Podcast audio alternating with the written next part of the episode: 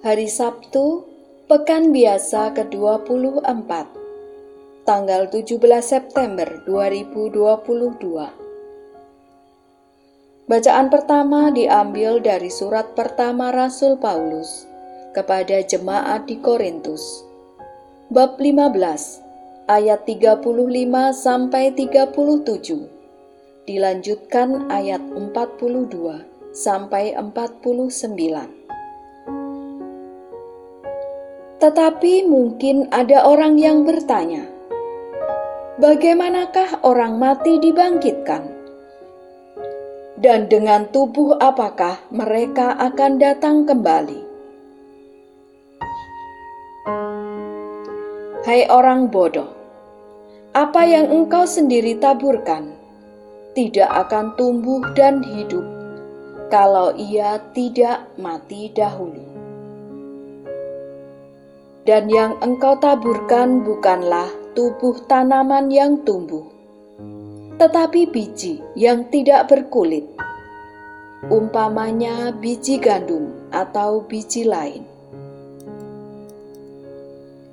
Demikianlah pula halnya dengan kebangkitan orang mati.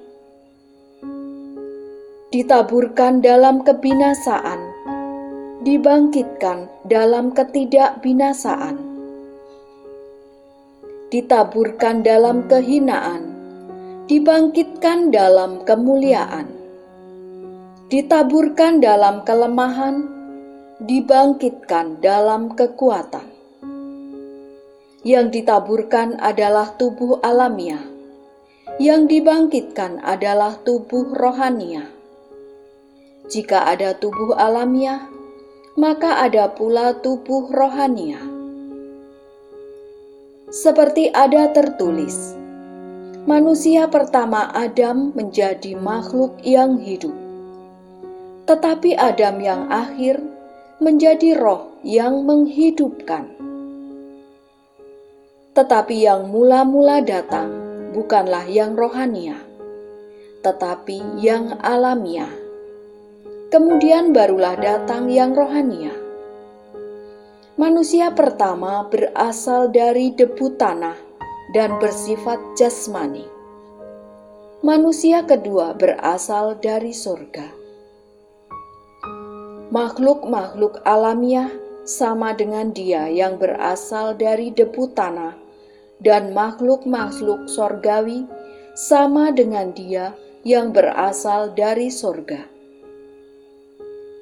sama seperti kita telah memakai rupa dari yang alamiah. Demikian pula kita akan memakai rupa dari yang surgawi. Demikianlah sabda Tuhan.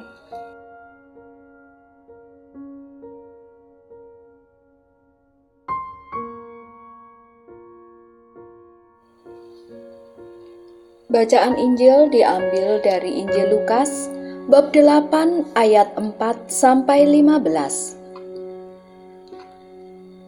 Ketika orang banyak berbondong-bondong datang, yaitu orang-orang yang dari kota ke kota menggabungkan diri pada Yesus. Berkatalah ia dalam suatu perumpamaan. Adalah seorang penabur keluar untuk menaburkan benihnya. Pada waktu ia menabur, sebagian benih itu jatuh di pinggir jalan, lalu diinjak orang dan burung-burung di udara memakannya sampai habis. Sebagian jatuh di tanah yang berbatu-batu, dan setelah tumbuh ia menjadi kering karena tidak mendapat air. Sebagian lagi jatuh di tengah semak duri dan semak itu tumbuh bersama-sama dan menghimpitnya sampai mati. Dan sebagian jatuh di tanah yang baik, dan setelah tumbuh berbuah seratus kali lipat. Setelah berkata demikian, Yesus berseru, "Siapa mempunyai telinga untuk mendengar, hendaklah ia mendengar." Murid-muridnya bertanya kepadanya, apa maksud perumpamaan itu. Lalu ia menjawab, "Kepadamu diberi karunia untuk mengetahui rahasia kerajaan Allah, tetapi kepada orang-orang lain hal itu diberitakan dalam perumpamaan, supaya sekalipun memandang, mereka tidak melihat, dan sekalipun mendengar, mereka tidak mengerti." Inilah arti perumpamaan itu. Benih itu ialah firman Allah. Yang jatuh di pinggir jalan itu ialah orang yang telah mendengarnya.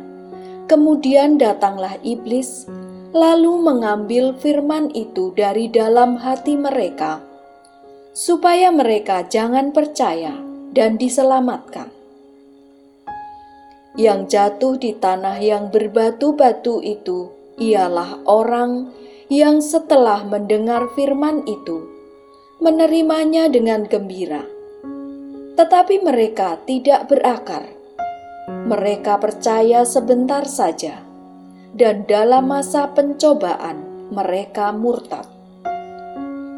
Yang jatuh dalam semak duri ialah orang yang telah mendengar firman itu dan dalam pertumbuhan selanjutnya mereka terhimpit oleh kekhawatiran dan kekayaan dan kenikmatan hidup, sehingga mereka tidak menghasilkan buah yang matang. Yang jatuh di tanah yang baik itu ialah orang yang setelah mendengar firman itu menyimpannya dalam hati yang baik dan mengeluarkan buah dalam ketekunan. Demikianlah sabda Tuhan.